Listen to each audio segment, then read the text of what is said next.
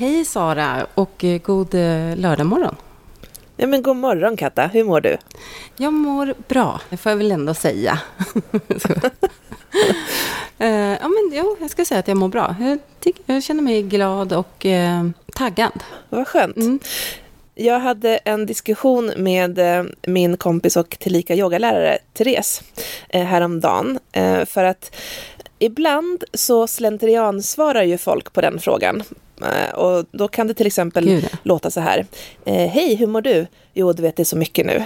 Och just det här att det är så mycket nu, att det är någonting man, man bara säger för att så här, ja, det är lite grann normen. Och när man också säger saker högt, då, då blir det en, en sanning i, sin, e, alltså i sitt, sitt eget medvetande. Så jag, jag, tycker att man ska vara så här, man ska svara med äkthet på något sätt. Att ja, men jag känner mig glad eller ja, vet du Sara, jag känner så här och så här. Mm. Så jag, jag, är glad över ditt svar. Det kändes genuint och som att det faktiskt var en... Alltså, det var så. Du är glad. Ja, ja men vad bra. Ja. och hur är det med dig? Hur mår du? Jag känner mig jätteglad. Jag, jag bra det. vecka. Jag tycker ja. det liksom lyser lite i dina ögon. Ja, men vad härligt. Även fast det är lördagsmorgon och jag drack vin igår. Mm, men kanske därför du är glad också. ja, Nej, men jag har haft en jättebra vecka. Eh, jag har badat isvak, jag har varit på yoga, jag har gått en sån här eh, hurtig och väldigt tidig morgontur uppför en oh, backe på, på topptursskidor. Ja, oh, det, det var väldigt härligt. magiskt ut. Ja, och jag tycker det är så häftigt nu när man går upp sådär vid, ja, men strax efter klockan sex på morgonen nu, för att det är ju fågelkvitter ute.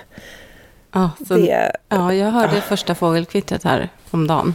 Alltså det väcker ju någonting i en. Jag vet inte, det är takdropp och fågelkvitter så, så är det som att det triggar igång gamla kroppsminnen. Och man liksom, jag blir sugen på att ta fram min cykel när det är så lite grus på vägarna. Och Just det är sådana lyckliga barndomsminnen, när man fick ta fram cykeln för våren. Ja, precis. Och jag vill sitta ute på trappen och ta en kopp kaffe. Det är de här ja. Enkla sakerna kanske som vi längtar efter. Men jag minns när jag var lite yngre, då var jag ganska ofta vårdeppig, men det har försvunnit nu. Jaha, vad, vad intressant. Vad tror du att det kan vara? Jag vet inte riktigt. Um, eller jo, jag har kanske en aning. Jag undrar om det var för att jag bodde typ i stan då. Mm. Um, och um, när jag ser tillbaka på det nu så känns det som att när jag bodde i stan och det var vår, man ville ju verkligen ut, eller jag ville ut på något sätt och göra någonting. Men jag tyckte att det var lite svårt att veta vad jag skulle göra. Så skulle jag gå ut och gå en mhm. promenad? Mm. Skulle jag gå på liksom ett café och sitta utomhus och ta en kaffe? Medan när jag bor mer alltså på landet, eller på att säga, även fast jag bor i Åre då, så det känns inte alls som landet, så är det mycket lättare att vistas utomhus för det finns fler självklara saker att göra. Ja, men det kanske är det. Att det kanske är sån där ackumulerad eh, lust som inte får något utlopp. Ja. Innan liksom. Ja, det är som att nu så är allting mycket lättare. Alltså det är inte lika hög tröskel att komma ut också. Då var det mer så här att ah, gå en promenad igen. Det, och sen så ska man gå någon så här stadsrunda liksom som alla andra går. Mm. Det var inte lika episkt. Nej, härligare med en morgontur upp på ett fjäll. Ja, det tycker jag. ja, men det kanske är det. Och sen är det väl... Jag kan tycka så här att eh, också att tempot skruvas upp så mycket på våren ibland. Det är som att alla vaknar ut sitt ide. Och så ska helt plötsligt ska allt hinnas med. Nu i år kanske det inte blir lika mycket så då, eftersom man inte får träffas och allt det där. Men det brukar ju vara en så här, bara en social gatlopp, socialt gatlopp, liksom de här vårhelgerna och liksom, åh, vi ska göra det här, vi ska göra det här, vi ska göra det här, och det är kalas och det eh, och sen mm. är det samtidigt sådär ett race på jobbet ofta inför semestern, så att det blir som en så här stadig upptrappning av allt. Eh, och då kan man ju känna sig lite trött. Men så jag tycker nu, här är mitt liv lite mer balanserat över året. Sådär. Att det, vet, det, liksom, det blir inte så hetsigt här. Det, det finns inte så mycket sociala tillställningar att gå på. Nej, och sen så, vi har ju inte barn. Och det känns också som att våren, eh, min upplevelse är att de som har barn, de har väldigt mycket på våren. Oh, gud. Ja, men, så därför så, jag, jag, jag, kan se det hos andra, men jag upplever inte det själv. Men vet du vad, det beror nog på att jag också jobbar, eller har jobbat väldigt mycket inom turism också, där, där vi har jobbat väldigt mycket med vinterprodukten. Och då är det ju liksom väldigt så här, intensivt på senhösten. Och sen så framåt så april, då så börjar man tagga ner för då är lite grann vintern över. Mm. Eh, och sen så ska man komma igång inför sommaren, men det görs på lite grann ett annat sätt tycker jag. Ja, det är som en, en liten vilopaus i maj generellt i, ja. i den här säsongen, eller i den här branschen menar jag. Och i fjällen överlag så är ju maj en fantastisk månad eh, för att det är så mycket ljus. Men jag, jag kommer ihåg när jag flyttade till Åre då för sju år sedan så var det någon som sa så här att vi får se hur du tycker om Åre i maj. Mm. för att det liksom, alltså det var väldigt tomt på människor här. Det var Alltså det finns ju mycket energi men den är extremt lugn. Men jag älskade det. Jag tänker så att alltså, i maj då så kan jag gå ut och lägga mig raklång på asfaltsvägen och jag kan ligga där en timme och ingen kommer köra över mig. Mm. Alltså det är riktigt den tanken jag har. Det är så himla lugnt. Och sen så är det mycket, ja men det är mycket naturkraft med vatten och ja men alla vattenfall, det bara dånar ju ja. med energi. Ja, det är en cool uh, period. Ja, och sen så är det så skönt att hänga med, med folk som är kvar här. För att då, då har det verkligen sållats ut. Så att de som är här då, det är liksom de, de riktiga mm. byborna. Ja, vi har ju konstaterat tidigare att vi eh, gillar off-season lite mer än ja. peak-season. Älskar det. Men jag har tänkt att i maj ska jag försöka hyra ett hus någonstans. Härligt. På typ ja, men Gotland eller Skåne eller västkusten. Mm. Eller Öland. Jag kommer gärna hälsa på. ja, vi får se hur det blir med de planerna. Mm. Men jag, eh, jag är pepp.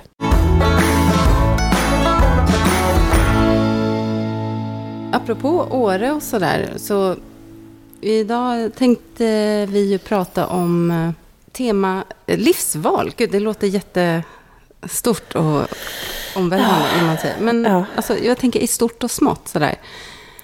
Ja, det, det kändes svårt för när du briefade mig så sa du också eh, dina bästa livsval. Och då kände jag att oj, nu är det, dels är jag inte hundra år så jag har inte riktigt facit. Eh, och sen så kändes det som att gud, bästa, ja vad, vad har jag gjort som har varit bäst? För att det är så mycket i livet som går hand i hand. Man gör en sak mm. och sen händer något annat. Så att jag tänker att det, det får vara lite allmänna val, men kanske inte de bästa, fast det är ändå de bästa. Ja, nu blir det krångligt. Mm. Ja, nej precis. Vi behöver inte bli så pretentiösa bara för att ämnet är stort. Utan mer, e-, egentligen, det, det jag vill komma åt är väl mer att prata om beslut och beslutsprocesser och kanske drivkrafter bakom. Och, och sen så är, är det intressant att se på så här, exemplifiera olika så där, hur, ja just det, hur gick det här till och hur blev det? Mm. Och eh, liksom, varför tog jag det beslutet? Um, mm. För det är ju något vi eh, liksom pratar mycket om i podden. Eh, men det kan vara liksom intressant att, att gå, borra ner lite djupare i det här ämnet. Så jag tycker mm. det är mm. så spännande. Ja, men verkligen. Skulle du säga att du är en person som fattar många aktiva val, både små och stora? Eller är du en person som ja, men du låter lite grann hända? Att du är lite mer passiv? Mm. Jag har rymt eh, båda delar i mig. Alltså, Uh, förut var jag mer passiv. Jag har alltid grubblat mycket. Amatörfilosoferat mig fram genom livet. Men det var ändå lite så att jag kanske... Jag följde med i det som erbjuds. Uh, liksom erbjöds mig. Så att även om jag kanske tänkte lite över det valet så var det kanske inte något jag aktivt hade sökt upp utan det, liksom, det tillfrågades eller det liksom dök upp. Och så kanske jag eh, hade andras eh, liksom, drivkrafter bakom mina val tidigare än vad jag har nu. Men det där är ju en, en ständig balans, alltså det är ju lite av en färskvara att, att jobba med. När, just särskilt när det kanske inte sitter, faller sig naturligt utifrån hur man vuxit upp och liksom präglats. Så gäller det att reflektera och tänka och jobba med det där hela tiden för att hålla det mm. i trim och inte falla in i gamla mönster. Ja, precis. Mm. Så, så, men nu, nu ska jag nog säga att jag är liksom väldigt aktiv i mina val. Och mm. försöker skapa det jag vill ha, snarare än att hoppa på det som bjuds. För när man är aktiv eller gör aktiva beslut så finns det ju såklart många spår att gå där, alltså även där. Men jag tänker man kan ju fatta beslut som känns skönt för att man fattar beslut på samma sätt som många andra gör. Att ja, men, eh, de här personerna har valt en rosa tröja, ja, men det känns bra, det gör jag också. Det är någon form av så aktivt beslut, även om, om, om, man inte är liksom ensam om mm. beslutet eller valet. Och sen så kan man ju fatta beslut som är lite tvärtom. Men att, och det är ju superaktivt då, liksom att, att de har valt en rosa, men då ska jag ha en gul tröja. Och sen så bara... Mm. Eh, liksom. Men är det inte så att man då ändå styrs av vad de andra har valt? Eh, jo, det kan vara, alltså det är ju liksom en, en del i det då. Men jag tänker att det där, alltså antingen väljer man en gul bara för att man inte vill liksom vara som de andra. Eller så, så är det så att, att liksom gul är det, det man älskar mest. Så jag tänker att det kan verkligen vara två olika saker. För att jag fick just den där inputen på min blogg när jag skrev någon form av snabb recap av mitt liv. i bloggformat. Det var alltså ett, en, ett inlägg. Um, och då var det någon, någon som sa så här, men du har ju också ett lite knepigt sätt att fatta beslut eftersom du har valt tvärtom alltid. Men jag tänker så här, det är kanske inte alltid liksom tvärtom drivkrafter som har styrt mig utan att jag faktiskt ville liksom göra något annat också. Så att mm. det kan vara verkligen både och. Att du har jag. synat grupptrycket? Jag har valt hjärtat liksom, alltså mm. alltså från hjärtat. Och det tänkte vi väl prata om idag då. Hur, ja, hur det går exakt. till. Först så vill jag fråga dig så här, angående aktiva val. Mm. Hur skulle du labla dig själv? ja. Jo, men eh, mitt, eh, min grund är att det är många aktiva val. Men sen tror jag verkligen på att när jag har liksom satt, satt riktning, då så låter jag saker hända för att jag liksom, för att jag inte eh, räds flow eller bananskal. jag tror att mycket har faktiskt hänt genom bananskal i mitt liv. Men, men det har ju verkligen varit liksom ut, ut, ut efter en riktning ändå. Mm. Um, det stämmer med där, kompassen.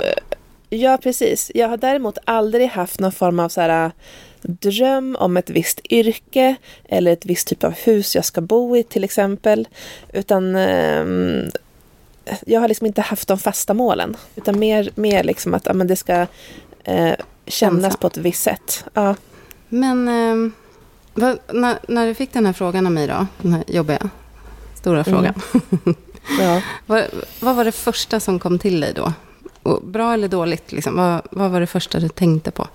Ja, vad var det första jag tänkte på?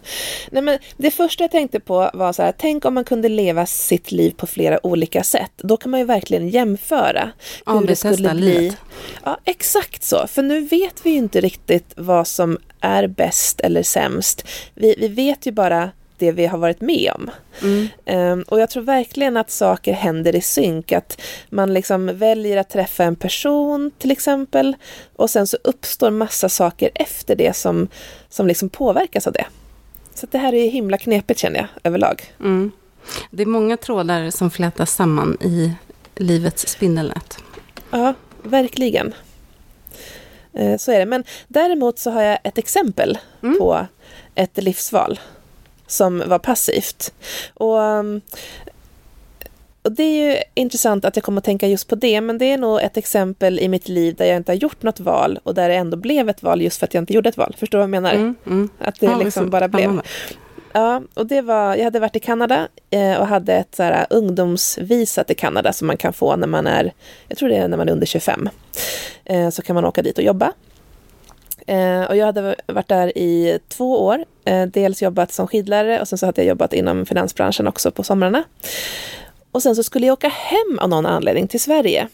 Eh, planen när jag kom hem till Sverige var att jag skulle vara hemma under sommaren och sen åka tillbaka till Kanada. Men jag kom hem och så åkte jag aldrig tillbaka. För att jag var lite lat och orkade liksom inte styra upp med det var nog en intervju för ett nytt skidlärarjobb och jag var tvungen att boka biljetter och du vet, så här, styra upp var jag skulle bo och sådana saker. Och jag kände bara så här att ja just det, jag orkar inte just idag och inte idag heller och inte idag heller. Så det där bara flöt på och sen så blev jag hemma. Mm. Och, och, det, det icke-valet, eller så här latmaskvalet, markerar liksom slutet på min utomlandsvistelse. För då hade jag bott och jobbat utomlands i eh, fem, sex år. Och så här i efterhand kan jag ju tycka liksom att Eh, alltså visst, det, det fanns nog en, en, mening med det också, att jag faktiskt kanske var lite klar med att bo utomlands. Men jag kommer ju också ihåg själva känslan i Sverige, för jag var inte jättenöjd med att vara hemma heller. För jag upplevde Sverige som, ja, men det var lite tråkigt, det var stelbent, fyrkantigt, alla var klädda på samma sätt. Det var grått liksom.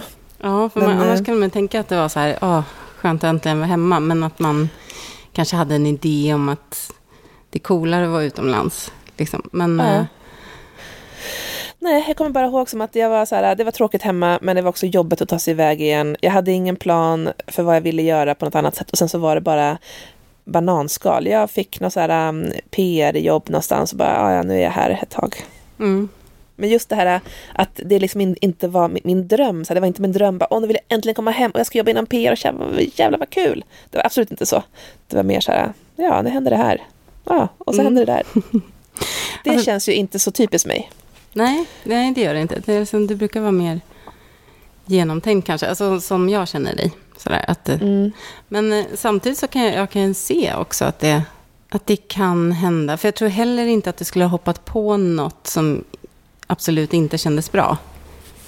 Utan mer så här, ja, det Nej. här kan nog bli bra. Ja, precis. Och det, det, blev ju bra för jag är väldigt nöjd med åren som blev efteråt och där jag är nu. Men det jag inte är nöjd med från det här, det var att jag liksom inte fattade det beslutet med glädje. För att jag kan älska liksom att ha fattat ett beslut utav vilja, att faktiskt vilja någonting eller åstadkomma något eller nå fram. Eh, bara för att då, då har det liksom känts mer det liksom känns, känns som en mer kraftfull riktning. Här, det var lite så här blaha liksom. Och den känslan gillar jag verkligen inte. Utan jag älskar att liksom leva med tydlighet, med intention liksom. Mm. Och, och, just då, då, då, då, då var det liksom total avsaknad av allt det där. Mm. Så det kändes lite meningslöst där.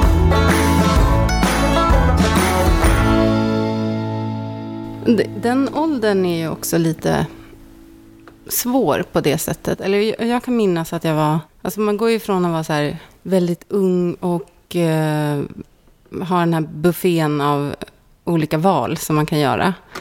Till att så här, man börjar känna så här, ah, nu kanske jag måste börja fatta lite beslut som faktiskt blir så här på riktigt. Att mm. tiden att prova sig runt. Alltså för jag kommer ihåg att jag kände så här, gud, nu är jag liksom halvvägs till 30 här från 20. Och mm. oh, gud, vad, vad, ska det bli? liksom. ja. att det, och då kanske det blir så där lite, att man kan bli handlingsförlamad. Eller inte handlingsförlamad på ett sätt, men att det blir en sån stor börda. Så då att bara låta något hända kanske är lite lättare än att börja så här, okej, okay, nu ska jag mejsla ut resten av mitt liv här. För det, lite, det var lite mm. så det kändes då. Sen vet man ju så här i efterhand att du sätter ju inte på något sätt riktningen för hela resten av ditt liv när du är 25. Nej, mm. men kan, kan du känna att den buffén med val liksom har minskat nu? Alltså yrkesmässigt så kan jag väl tänka så här att, alltså jag vet inte om jag är sugen på att liksom gå in i en helt ny bransch och liksom börja på noll och så här, även om, alltså ja, möjligen. Alltså det, det kan kittla lite sådär, men, men alltså livsmässigt så tycker jag att valen har ökat. Alltså i takt med att dels att jag har utforskat så här, alltså min personliga utveckling och, och så här, oj, vilka vägar det här kan ta. Det är jättespännande. Eller var ska jag bo? Eller var ska jag, liksom, mm. vilka människor kommer jag träffa? Eh, alltså det händer, det kan hända mycket sådär i livet i stort. Och det är kanske det jag lägger mer fokus på än det yrkesmässiga just nu. Så där känner jag väl att liksom, buffén är härlig och dignande, ungefär. Mm. Men sen är det klart att, jag menar, det, man har väl, ja okej, det finns ju vissa fysiska begränsningar som, som hindrar en del val. Men det finns också andra möjligheter, alltså att man har byggt erfarenhet och så, som öppnar andra vägar. Mm. Mm. Nu blir jag nyfiken. Det med fysiska begränsningar, vad, hade, vad skulle du vilja göra? är det det här gymnastdrömmarna? Ja, men vill bli här, åh, jag vill bli elitskidåkare. Eller alltså, den typen av drömmar som rör att här, bli bäst i världen. Sen, ja, nu har inte jag gått och grubblat på det så mycket i mina dagar. Men, Nej, det var något nytt. men det finns ju vissa saker som man ändå säger, okej, okay, men den här dörren är nog stängd. Men det kanske var det även när du var 20, alltså kanske eventuellt, ja. in all fairness. Ja. Ja. Om du inte hade börjat åka skidor då, då vet jag inte. Det känns lite sent. Ja, ja det kanske var en dålig jämförelse. Men, eh, ja, nej, men det är vissa saker som definitivt kanske är stängda nu då. Men eh, annars så, jag vet inte. Jag, jag upplever ju inte att, att jag har eh, färre val nu. Men jag, jag, jag har fått ett annan förhållningssätt till det. Att jag mer ser det som alltså att jag är nyfiken och vill utforska och så här, oj, det, det finns mycket jag vill hinna med. Medan då var det mer som en så här, oj, liksom, nu måste jag verkligen ta det. För det fick man ju höra från alla vuxna och liksom när man var i, alltså gick i skolan fortfarande. Så att, Tänk på vad du väljer nu och typ som gymnasievalet var så avgörande för hur ens liv skulle bli ungefär. Och så här, ja. i efterhand så vet man att det kan gå, liksom, mm. det spelar inte så jättestor roll vad du väljer där. Så då var det kanske mer liksom en, en tyngd eller sådär. Att ska ta rätt väg. Men det, det, är också så att jag fick ju liksom höra av min omgivning, eller mina föräldrar, att, att jag skulle väga, vä, välja en förnuftig väg, eller en trygg väg. Alltså något som gav jobb. Och det, så det var inte det här med att utforska sina innersta intressen kanske, utan mer så här, mm. tänk på att du ska kunna få jobb. Ska försörja dig genom mm. det här. Mm. Ja, men där är nog vi väldigt olika tror jag.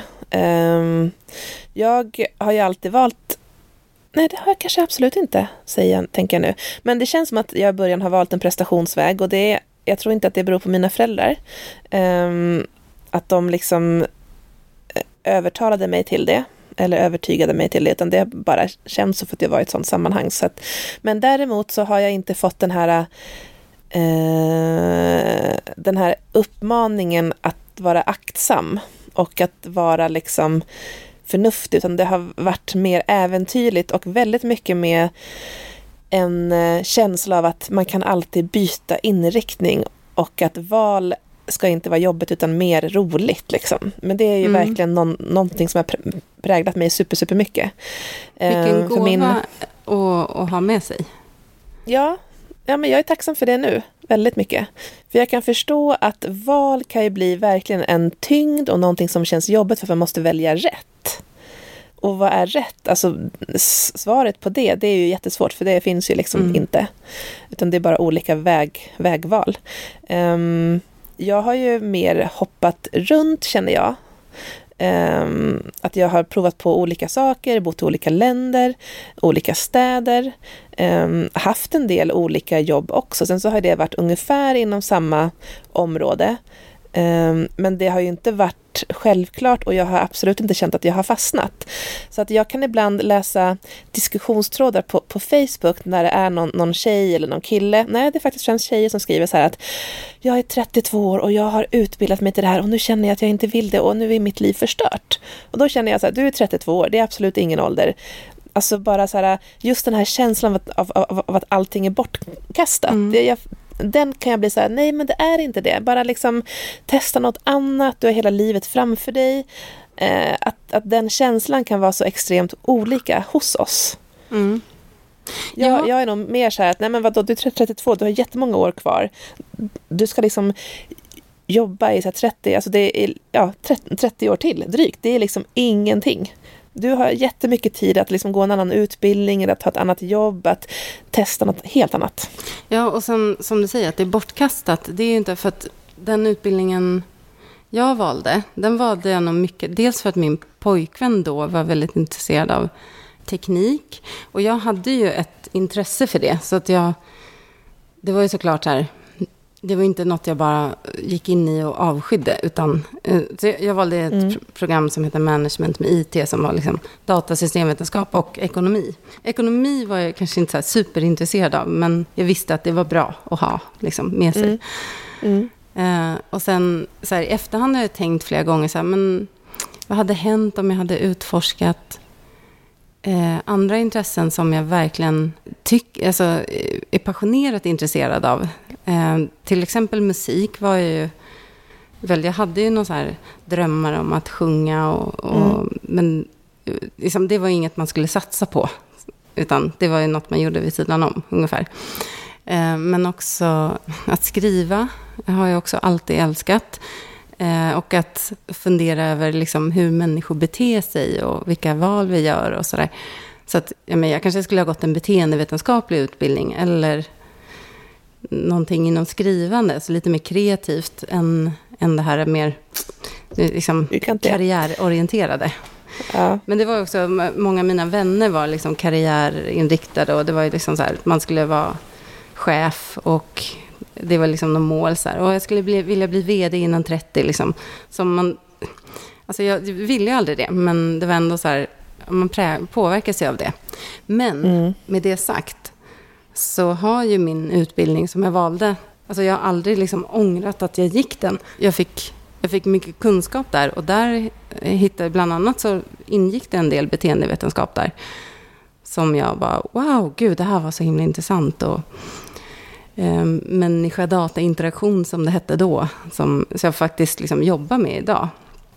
Mm. Och tycker det är superintressant. Så att, liksom, allting man gör har ju, för ju någonting med sig. Att det liksom öppnar ens ögon för ett nytt område eller eh, du har den kunskapen med dig. Om du sen går in i ett annat område så är det någonting som hjälper dig att göra analyser och dra slutsatser för att du har liksom en bred kunskap med dig. Det känns som att liksom, det är aldrig bortkastat att lära sig någonting. Eh. Nej, verkligen inte. Och sen så bara det att, att man faktiskt har...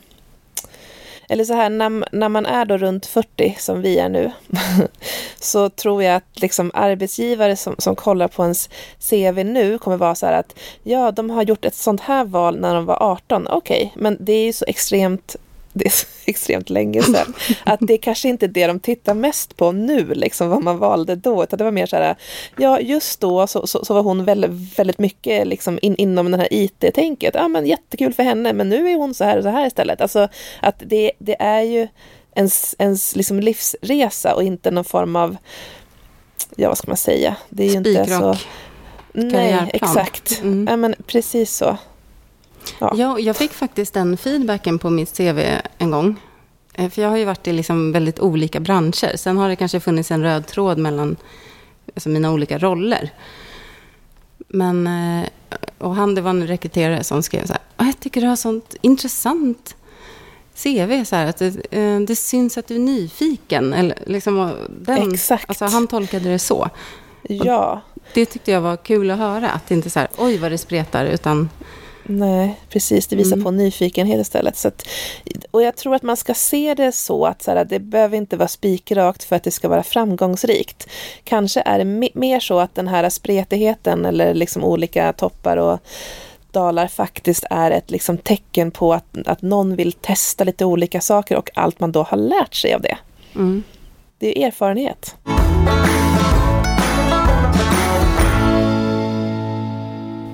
Men vad skulle, vad skulle du säga är ditt... ehm, nu kommer en svår fråga. Ett, eller så här, kan du ge exempel på livsval som verkligen har påverkat dig under lång tid eller inom många arenor av ditt liv? Här kommer jag nog få klippa en tankepaus.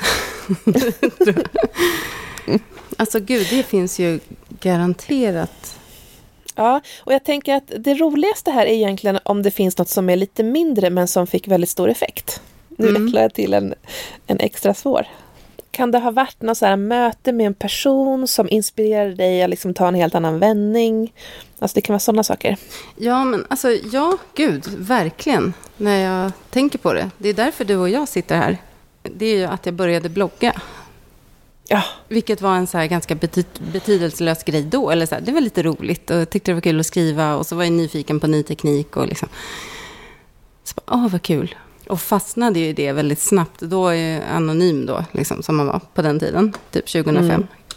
mm. Men eh, det ledde ju till, jag märkte snabbt att här, jag fick ju kompisar online och ja, det var väldigt liksom givande. Det är ju så vi har träffats, alltså att, Mm. att vi båda har bloggat och, och, och det har givit, alltså gud, det har givit så mycket effekter i mitt liv. Och särskilt att jag träffade dig. Mm. Det har påverkat mig jättemycket. Det, så, som jag sa i mitt tal till dig när din blogg firade tio år.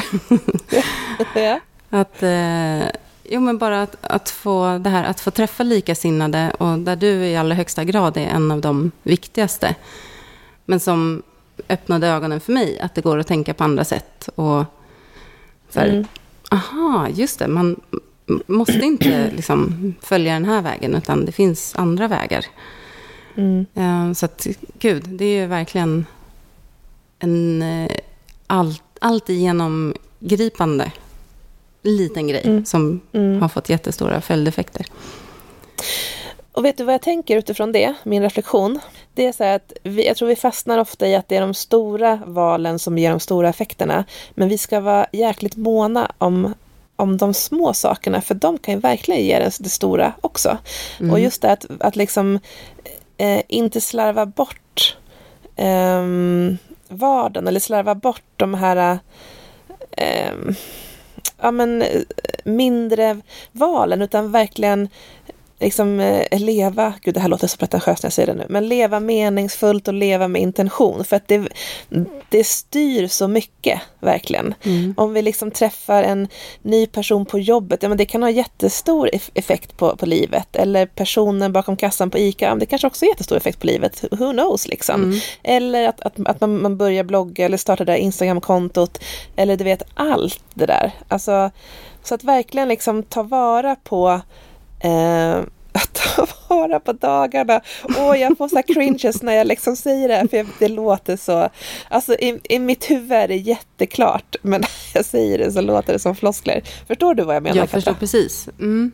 För det, det, är det här, och när du pratar om mer passiva val, eller bananskal, bra mm. bananskal, ja. så är det det här att har du liksom landat och grundat i dina egna värderingar, och det är liksom riktning i livet som, som stämmer med dem. Mm. Då tror jag också att man är öppen för de här... Eh, Exakt! Så de bananskal... rätta liksom slumpmötena ja. eller vad det nu kan vara. De rätta bananerna, mm. precis. Så att det, bananskal, för det brukar ju oftast pratas om som någonting negativt. Så här, att oj, det var ett bananskal. Så att vi säger att man hade ingen riktning. Men det är tvärtom. Man har satt intentionen och riktningen innan och sen så händer det grejer som kommer ens väg. Mm. Alltså man, man har liksom tur med universum. Eller jag älskar uttrycket de rätta bananerna. Ja, ja men... vi måste, måste vi universum, universum löser det liksom åt den och mm. lägger ut de rätta bananerna. Ja. Det är ju intressant, um, apropå det här med slump då, eller som absolut kanske inte alls är slump utan det är väldigt uttänkt. Um, nu när jag slutade mitt jobb i december, eller ja, jag, jag sa upp mig då. Eh, då så skrev jag om det på Instagram och då hörde en person av sig och det är ju faktiskt en av mina uppdragsgivare nu som, som kan liksom få en, en, ganska, eller en väldigt stor plats i mitt liv. Så att liksom verkligen vara medveten om mm. allt utan att det ska kännas jobbigt helt plötsligt. För det kan det ju kännas som att bara allting är liksom en chans till något stort. Ja, och vi pratade ju om det i ett tidigare avsnitt med Sliding Doors. Eh, mm. Uh, har du sett den filmen?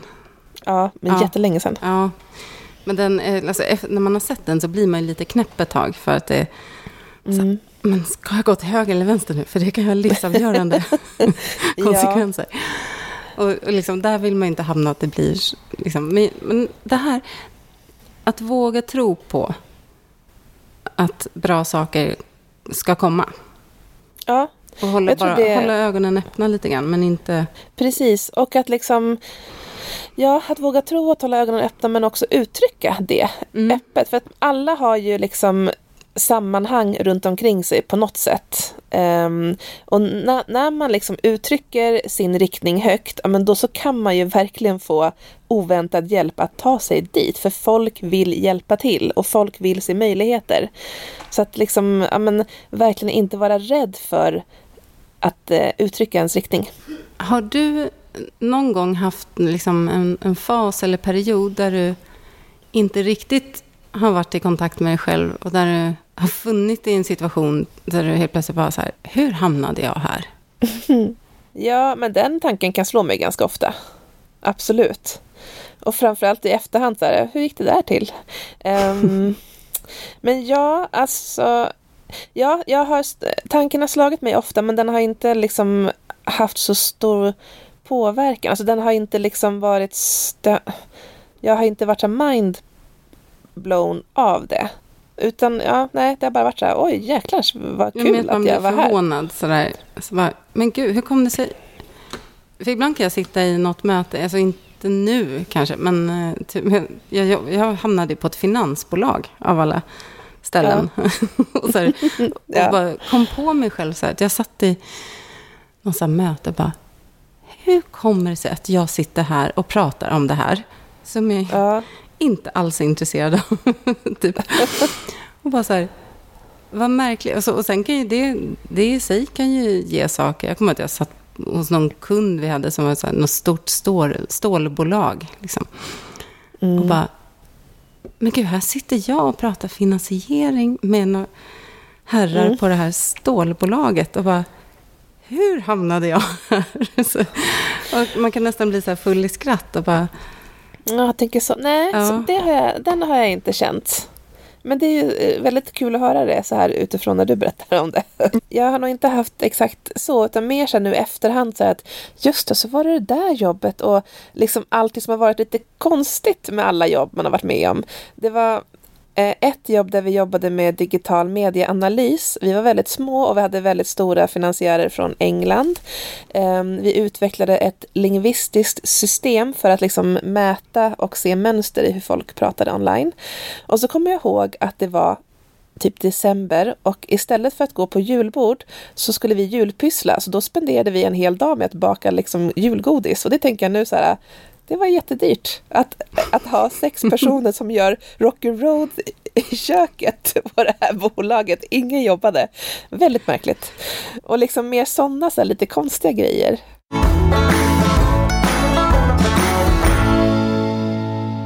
Har du något eh, sånt där livsval som du är väldigt nöjd med? Ja, det har jag absolut och de är väldigt många. Um, ja, men dels att jag valde att flytta från Stockholm och verkligen gick på den känslan som jag hade då. Uh, och det här har jag nog pratat om i den här podden kanske både en och två och tre gånger.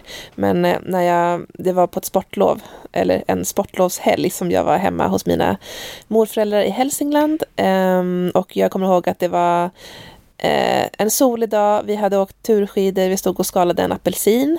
Och så tänkte jag så här, så här kan man ju ha det jämt. Varför ska jag vara i Stockholm och jobba inomhus mellan 9 till 5? Jag ska åka på en fullsatt buss så det kommer ta mycket längre tid än vad det behöver göra. Eh, och sen när jag kommer hem så ska jag liksom med i ruschen, jag ska in på ICA där vid Fridhemsplan tillsammans med alla andra i kvarteret och trängas. Och du vet så här att den insikten så att jag, jag, vill jobba mycket men jag vill inte göra det på det här ineffektiva sättet. Um, det är ju ett livsval uh, och framförallt någonting som jag är väldigt nöjd över att jag tog action på. Att jag då mm. successivt uh, kunde jobba mer och mer bortifrån. Det vill säga jag kommer ihåg att jag var faktiskt i Funäsfjällen och i Åre under totalt tre veckor och gjorde jättemycket jobb därifrån. Eh, och det var ganska nytt då, det här var ganska länge sedan. Eh, men att det gick ju jättebra.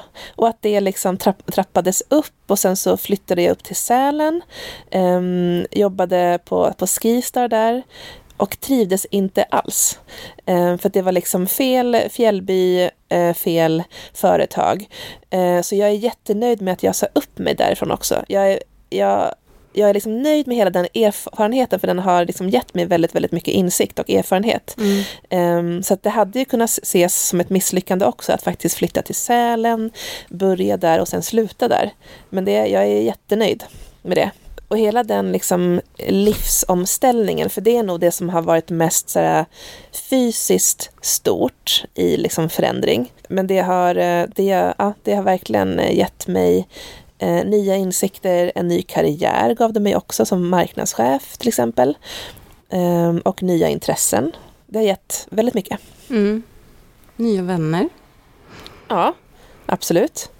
Men nya vänner har jag nog alltid skapat mig på olika sätt. Jag är en person som är dålig på att hålla fast i gamla vänner. Vi är bra på att skapa nya vänner. Mm. och det här är alltså på gott och ont, ska man verkligen komma ihåg. Ja, precis. Mm. Man får hålla i sig nu när man har hängt med ett tag. Så. Ja, exakt. Kanske på väg ut. Ja. Men, eh, ja. ja. Nej, Nej jag, jag tänkte bara så att det blir svårt att vara med i den här podden om vi inte ska vara vänner. Det är bäst jag, jag får hålla tag i dig. Ja. Så jag kan vara med här. Ja, precis. Men hur, eh, när du fick, från den här första tanken där, när du stod och skalade apelsin, hur såg Mm. liksom processen ut? Hur, hur snabbt gick det från tanke till handling och vilka steg? Alltså nu har du berättat några av stegen då, men Ja, men alltså så här i efterhand så gick det inte så, så snabbt. Utan det har ju, alltså, eller så här, det känns som att det gick snabbt men det har det ju inte gjort. Utan det har ju verkligen varit successivt. Men jag har, det jag inte har gjort är att jag har inte sett det som omöjligt. Utan ehm, jag har liksom tagit action på själva längtansdelen. Och då blir allting ganska praktiskt möjligt på något sätt. Alltså, ja men som till exempel, då, det var väl under eh, ett år som jag jobbade lite grann på distans och som jag även gick ner i arbetstid för då började bloggen också ta större plats. Ehm, och sen så hade jag ju en pojkvän då i Stockholm och han ville absolut inte flytta norrut. Och vi var ju ändå ihop kanske i fyra, fem år till efter att jag faktiskt flyttade uppåt. mm, så att processen liksom till att faktiskt bo här på heltid, vilket inte heller har varit min dröm, utan jag har verkligen tyckt om att här, eh, vara uppe i Åre men också ha ganska många kunder eller sammanhang nere i Stockholm kvar. För att jag tycker det är skönt liksom att, att ha kvar den miljön på något sätt, den inputen från liksom en storstad. Eh, och den pulsen att komma ner och få så här, testa nya restauranger och träffa liksom folk som ehm, har ett annat tempo i sitt arbetsliv, om jag säger så. För det, Mm. jag tycker att det sk- skiljer sig åt rätt mycket. ja, Ehm, så processen, den är svår att liksom eh, ge ett klart svar på, men men allting sker inte över en natt och det är nog en, en väldigt viktigt, ett viktigt medskick.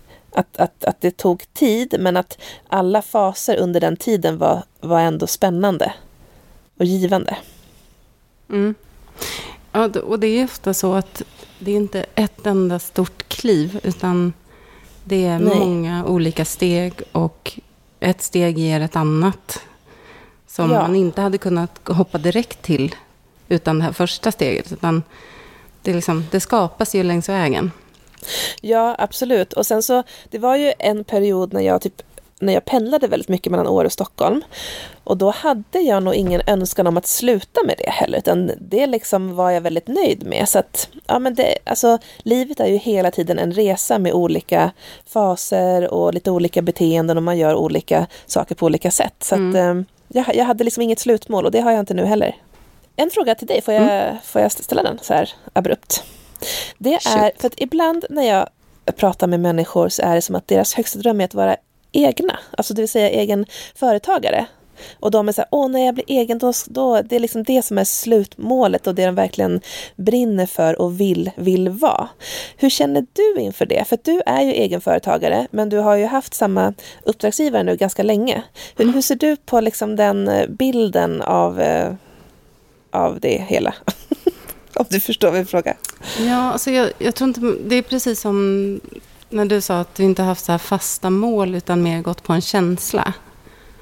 Och jag tror att det är samma sak där. Att liksom egenföretagande i sig är ju inte någon nyckel till någonting. Utan det handlar ju mer om vad man gör Mm. och hur det känns. Tror Mm. jag. Och sen just nu är den här formen som passar mig bäst. Jag tror att det, det finns ju kanske, det hade jag själv också innan jag blev egenföretagare, kanske en romantiserad bild. Även om jag, jag gick ju på lite så här starta eget-dagar. Jag förstod att det, det är inte enkelt. Men att det automatiskt skulle ge någon typ av frihet eller sådär. Och det finns ju såklart frihet inbakat i att vara egenföretagare. Men, men det är också, då är det ju du som ska ordna allt det där som din arbetsgivare i vanliga fall gör. Om du är Mm. anställd. Och det är ju det är liksom minskad frihet på ett sätt. Men, eh, så att jag, jag tror att det är viktigare att se till så här, okej, hur vill jag känna? Vad, liksom, vad vill jag göra? Och sen se vad är det som dyker upp som passar in på det. Och det skulle ju kunna vara en anställning eller, eller att man startar eget. Det är lite mer sådär, hur pusslar man ihop det där? eh, Mm. den där vardagen som man vill ha. Och jag tror det, det är bra att verkligen gå igenom innan och fundera på alla delar som olika val innebär. Även om jag är en stark förespråkare för att inte jobba med facit när man ska fatta beslut. Ja, nu sitter du och säger det och så har du liksom en pekande hand, eller på att säga. Ja. Du, du vill säga det med, med eftertryck. Berätta. Ja, berätta ja, vad du menar. För att mitt tidigare jag var ju mycket för att så här, i beslutsprocess så ville jag ju på något sätt ha facit. Så jag ville veta vad, om jag fattar det här beslutet, vad kommer det leda till? Ja, hur kommer det bli liksom? Ja, så, och det gör ju att man bara ältar ändlöst. Alltså, för det mm. går ju inte. Det går inte att få ett facit. Du måste prova. Så det tror jag är eh, att inte fastna för mycket i, i det där. Liksom alla möjliga konsekvenser och hur skulle det här kunna bli och, då, och vad kommer det leda till och då, då borde jag landa ungefär här. Utan, för det är så fort det tar ett steg, då börjar nya saker hända som du inte kan förutse i det här facit. Mm. Som du tror att du har. Men såklart så, så är det bra att tänka igenom ordentligt. Jag tänker också att man alltid kan ändra sig. Ja. Den, den tycker jag är skön, den insikten. Så att om man står inför två stora val och bara, ska jag göra A eller ska jag göra B?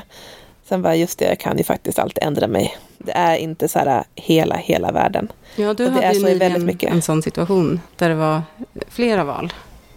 Ja, precis. Och då, det hade ju med jobb att göra. och ehm, Ja, nej men alltså lärdomen är att men det går alltid att Alltså ångra sig kanske är svårt, men ändra sig går. För att man kan inte ångra och liksom komma tillbaka till ruta ett. Den, den är ofta svår. Men man kan alltid ändra sig och göra, göra nytt liksom, på ett annat sätt. Vad tänker du kring egenföretagande och Nej, för mig så spelar det absolut ingen roll om jag är egen eller om jag är anställd. Eh, och jag har ju ofta varit lite både och. Just nu är jag helt egen, men jag tycker att det är en grov misception. Misception. Vad heter det på svenska? Miss att man skulle vara Missuppfattning. Ja, mm. ja, precis. Att, att, att, att det skulle vara frihet på något sätt. För jag har haft minst lika mycket frihet när jag har varit anställd. Kanske lite mer, för att jag behöver inte ta ansvar över siffrorna. När jag nu är, är då egen med långtidsuppdrag så det är ju ändå jag som måste dra in pengarna. Om, om, om jag är sjuk, då, då är det ju liksom, då är jag sjuk. Då, då är ju mitt företag rätt sårbart. Men som anställd har jag haft jättemycket frihet. Jag har kunnat jobba flextider, jag har kunnat jobba på distans. Jag har verkligen kunnat gjort allt det som jag har kunnat göra när jag varit egen också.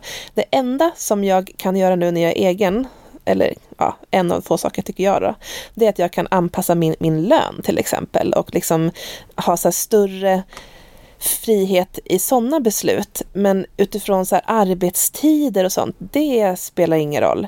För att jag har ju ändå kunder nu som jobbar liksom dagtid som jag måste förhålla mig till. Jag måste leverera projekt och kanske att jag faktiskt måste göra allting lite bättre för att jag faktiskt är egen. Eh, som, som anställd så fanns det ju mer tid att, att liksom ha så här, säm, sämre dagar på. För att mm. liksom, det, det, var inte bara jag som, som räknades i, liksom, i det här. Så att um, jag tycker att uh, man kan skapa samma typ av frihet även som anställd.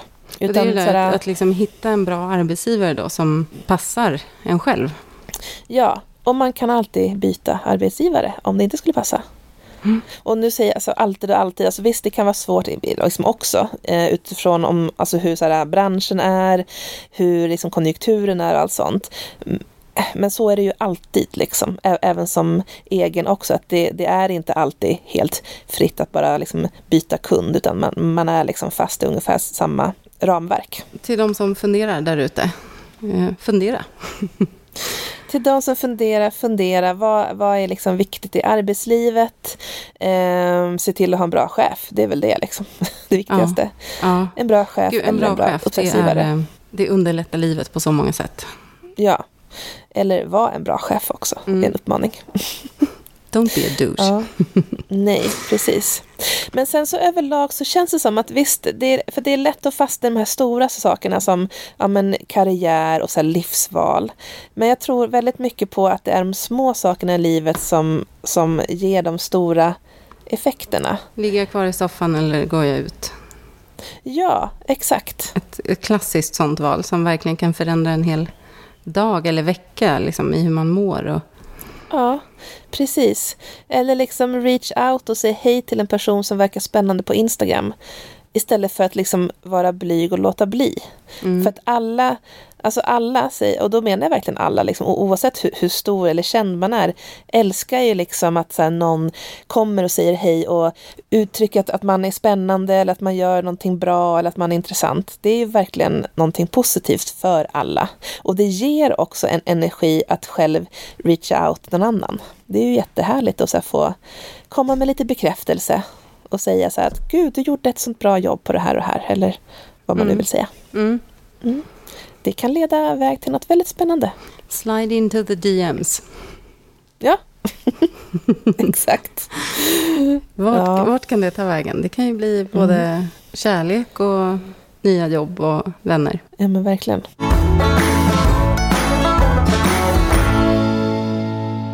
Sara, vad skulle du säga är liksom de, dina främsta drivkrafter bakom beslut?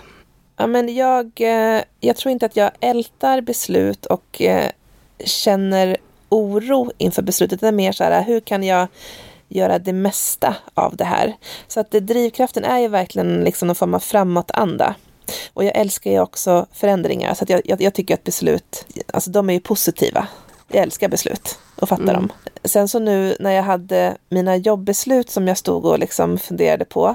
Det var ju inte oro inför vad som Alltså det var liksom inte utifrån en negativ oro utan det var mer så här, vad är mest roligt då? Du vet den mm. känslan. Så det var ändå en så positiv eh, ambivalens. Men eh, drivkraften är ju någon form av känsla att åh, här väntar något spännande runt hörnet. Det här mm, vill jag den är härlig. utforska. Förväntan ja. alltså. Ja. Oh, världens bästa Exakt. känsla. Mm, ja, förväntan är väldigt bra drivkraft. Vad skulle du själv svara på den frågan? Alltså för mig, alltså positiva drivkrafter bakom beslut. Det är ju, alltså frihet är ju en sån. Jag, liksom, det drivs ju du också mycket av. Att liksom skapa lite mer frihet i mitt liv på olika plan. Det kan vara allt från att avboka någonting som jag egentligen inte vill till att eh, flytta upp i glesbygd. Mm. För jag har tänkt på det här, men alltså intuition ligger ju bakom många av mina beslut. Det, det, är en känsla av att det, det här är bra, det väcker någonting. Och det är väl liksom, intuition är ju någon slags samlad erfarenhet. Så det är väl, men att det känns bra, det landar och känns bra. Liksom. Mm. Eh, så det är inte alltid jag sitter och kollar upp. Alltså, jag är ju inte den som gör liksom noggranna kalkyler eller den typen. Nej. Utan, ah, det här känns bra, vi kör, det blir säkert bra. Också en lust och nyfikenhet. Det är också alltså, många beslut som fattas utifrån det. Att så här, och det här verkar spännande, eller gud, det här vill jag lära mig mer om. Men sen så har jag liksom kanske, eh, framförallt tidigare, haft lite mer negativa drivkrafter bakom beslut som har varit Typ att jag varit rädd att misslyckas eller den här du vet, tron på den egna förmågan. Så att, och då har jag kanske undvikit det där, för jag är inte helt säker på att jag skulle klara av det. Och sen, mm. vet man så här, vad, det värsta som kan hända är ju att man inte klarar av det. Och så mm. man går vidare. Så Men, var det inte mer med det. Ja. Eller så gör man det. Men också något som säkert många känner igen sig i också. Det är väl den här att man lyssnar lite för mycket på andra. Påverkas av andra. Eller prestation. Att så här, jag vill vara duktig inför de här. Eller jag vill, att, jag vill leva upp mm. till deras förväntningar. Eller vad det nu kan vara. Och då kan det vara lite, mm. framförallt så här, kanske säga att du får... För mig har det varit så att jag kanske jag har haft ett jobb där jag har känt att så här, nej, det här kanske inte är helt rätt för mig. Och sen så är det någon som säger att ja, men du är bra, vill du ha en, den här utmaningen? Och då vill man liksom inte göra dem besvikna och sen är det lite smickrande och så, och så bara, oj, nu liksom, tog mm. jag ett steg till i den här riktningen som inte var helt rätt. Den tycker jag också man ska vara vaksam på. Jag tror att det är en fälla sådär, när man får liksom lite befordran eller nytt ansvar. Och, så att det är alltid så, åh, nu fick jag ett förtroende, de tror på mig. Då borde jag ju ta det. Men när du står inför ett beslut nu för tiden då, hur sållar du bland dina drivkrafter? Liksom, skriver du upp sådär, dina tankar, bara just det, det här var ju orosdrivkraften eller det här var ju förväntansdrivkraften. Liksom, hur, hur gör du? Hur ja, resonerar du? Jag känner ju igen dem och ibland så, så kan jag ju ta, vad ska man säga, inte fel beslut, men, men då är jag ändå medveten om varför jag gjorde det. Till exempel att, mm. här, alltså om man sätter någon annans behov framför sina egna, till exempel. Och så här, ja men jag gör det här för för den här personens skull eller för företagets skull. Nu är jag ändå medveten om att jag gör det. Det är mycket att jag känner ju. Jag sitter inte och skriver kanske så mycket, utan att jag går och tänker på det. Och sådär. Och hur, hur skulle jag vilja ha livet liksom, och, och passa det här in på det? Ja, men till exempel, alltså jag skulle ju kunna jobba mer, men mm. där har jag också känt så här, nej, för där tog jag ett medvetet beslut för två år sedan att lägga liksom all tid på det. Och nu känner jag då så här, ja men nu behöver jag frigöra mer tid för annat jag tycker om för att jag ska må bra i längden. Liksom långsiktigt hålla, hålla nyfikenheten vid liv. Och... och hur har du gjort för att, ja, men som du beskrev så var ju dina beslut kanske mer fattade de här negativa drivkrafterna i början, eller tidigare ska jag säga. Mm. Hur har du gjort för att eh, fasa ut de drivkrafterna och fasa in mer framåtsträvande och kanske lite mer positiva drivkrafter? Ja, men det är genom att göra. De, de första besluten tog längre tid att verka fram. Men sen mm. när man väl har gjort ett sånt beslut för sig själv så, så växer man ju och det blir en del av ens verktygslåda. Innan så är det ju mm. hypotetiskt. Så att för varje sånt steg så, så stärks ju den förmågan. Det är en sån personlig utvecklingsprocess. Många timmars eh, reflektion och planering och så här. Men, och nu kanske jag inte liksom tänker lika länge på varje beslut som jag gjorde mm. i början. Jag, jag, tror det är jätteintressant och jag tror verkligen att det är en, en träningssak och att eh, man kan liksom börja träna i, i det liksom lilla också för jag tror att varje dag så, så gör vi olika många saker vi egentligen inte känner för, men vi gör det kanske för att vara snäll mot någon annan, för att det anses bra. Det är väldigt mycket liksom norm i, i liksom beslut. Eh, att faktiskt börja liksom träna i de här små sakerna också. Mm. Vill jag verkligen träffa den här personen idag? Nej, jag kanske inte orkar just där. Det hade passat bättre en annan dag. Ja, börja säga det då. Men, ja, en jätteeffektiv väg, måste jag säga. Mm. Mm.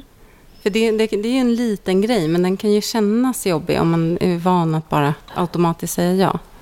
Ja, precis. Så det första nejet är väldigt läskigt. Ja.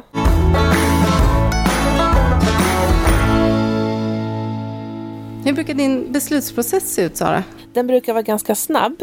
Men jag går också mycket på magkänsla, mycket känsla i det hela. Att jag känner så att ah, men nu vill jag göra något annat. Eller nu vill jag liksom göra någonting på ett annat sätt. Och sen så är jag ganska krass i det, tror jag. Men jag har samtidigt inget att jag har tänkt på hur processen går till. Så att jag har inte satt upp någon mall för mig själv eller jag har ingen checklista på Nej. att liksom tänka utifrån de här olika infallsvinklarna. Utan det, det går ganska snabbt och det, det börjar med en känsla i magen. Eller en längtan efter att få göra någonting på ett annat sätt och sådär.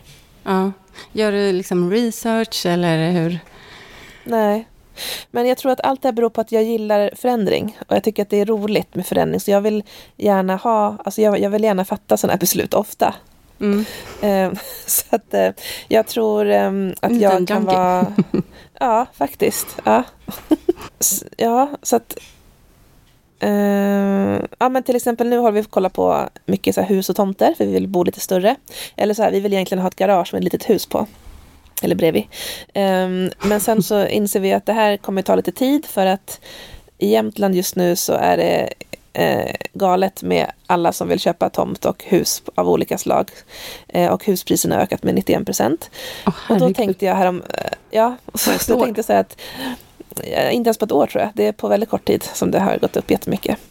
Eh, men då tänkte jag så här att okej, okay, det kommer inte bli ett hus just imorgon, men däremot vill jag verkligen ha ett nytt köksbord. Nu ska jag köpa det. Du vet, sånt kan gå fort liksom. Och som med jobb också så här att um, men på mitt senaste jobb så, så tänkte jag ändå i ett år så här att men jag, jag vill verkligen byta jobb. Men sen så tänkte jag så att ja, fast det är ganska skönt just nu för jag kan mitt jobb. Jag behöver inte lägga speciellt mycket energi på att få bra resultat.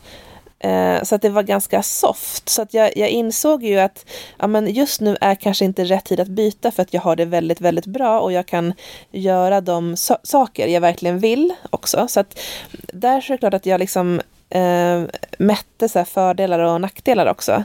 Men sen när jag väl sa upp mig så gick det ju fort och det gick fort till att liksom, ja, men till nästa steg också. Mm, eh, men all, men, så här, jag ska nog säga upp mig på måndag. Ja, och, sen, och sen blev det så. ja, precis. Så jag är inte rädd för att, att ta steget.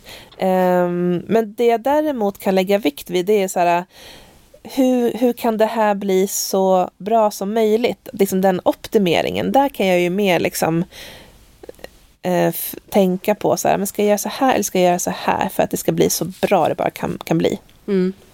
Så jag är ganska liksom resultatdriven utifrån att det ska bli sjukt bra. Och det kan ju störa mig ibland på bara så här att Sara, det här blir bra och det här blir bra. Bara välj någonting, det spelar ingen jättestor roll. Men då är det så här, men hur, hur kan jag maxa det då? Mm. Mm. Det är ju min liksom, utmaning.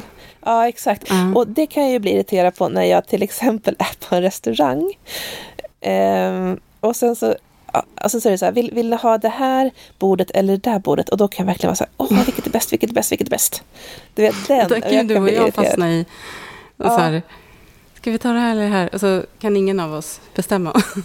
Nej. Du får bestämma. Nej, Precis. du får bestämma. Ja, så det ska jag nog öva mer på. Att, så här, att, så att tänka så här, det här borde bli jättebra och verkligen stå fast vid det och inte så här, just det, nu är kvällssolen mycket bättre på det andra bordet, mm. jag skulle valt det. Mm. Ja, för det, också, det har inte så himla stor effekt på hela upplevelsen. Nej. Så man får tänka på det. Hur, hur, viktigt är det här beslutet? Hur mycket energi ska jag lägga på det? Men ja. där är det också skönt det där när de bara visar en till ett bord. Alltså, ja. Om man tar metaforen där. Att här, ibland är det ja. skönt att bara få det serverat. Det är inte, exakt. inte så många val. Nej, precis. Ja, men kul, för den, det är intressant liksom, hur en beslutsprocess kan se ut och hur olika man kan vara i det. Och jag har förändrat min ganska mycket. Att, som, som jag sa, förut så la jag kanske mest energi och tid på att tänka på vad händer efter beslutet. Medan nu lägger jag liksom mer kraft och energi på vägen fram till beslut. Alltså att känna in, reflektera över liksom vad jag vill mm. på riktigt och de bitarna. Och så tänker jag nästan inte alls på vad händer sen. Nej. Och jag trivs nog bättre med det. Ja, och jag tror också att det, det maximerar ju möjligheterna efteråt. För att om du bara liksom fokuserar på att fatta beslutet och inte liksom tänker så, så mycket på vad som ska hända sen, då så kommer ju det liksom öppna upp för mer möjligheter sen för att du inte har liksom spårat in dig på bara ett, ett val, utan det kommer uppstå annat också som, som ger ytterligare val. Och det känns ju jättejobbigt att ha liksom fattat beslut och gjort ett val för sen. Och sen bara, just det, jag har de här fler möjligheterna nu efteråt. För att, ja, alltså det är liksom... Det är en evighetsloop. Ja, precis. Grejer sker alltid. Så att man ska liksom ta en sak i taget. Man ska ta en sak i taget och så ska man göra riktigt bra saker. Man ska liksom vara en schysst, härlig, bjussig person, jobba liksom hårt fast ändå lagom hårt. Alltså så här, bara vara bra liksom. Mm. Hur fel kan Nej, det bli verk, då?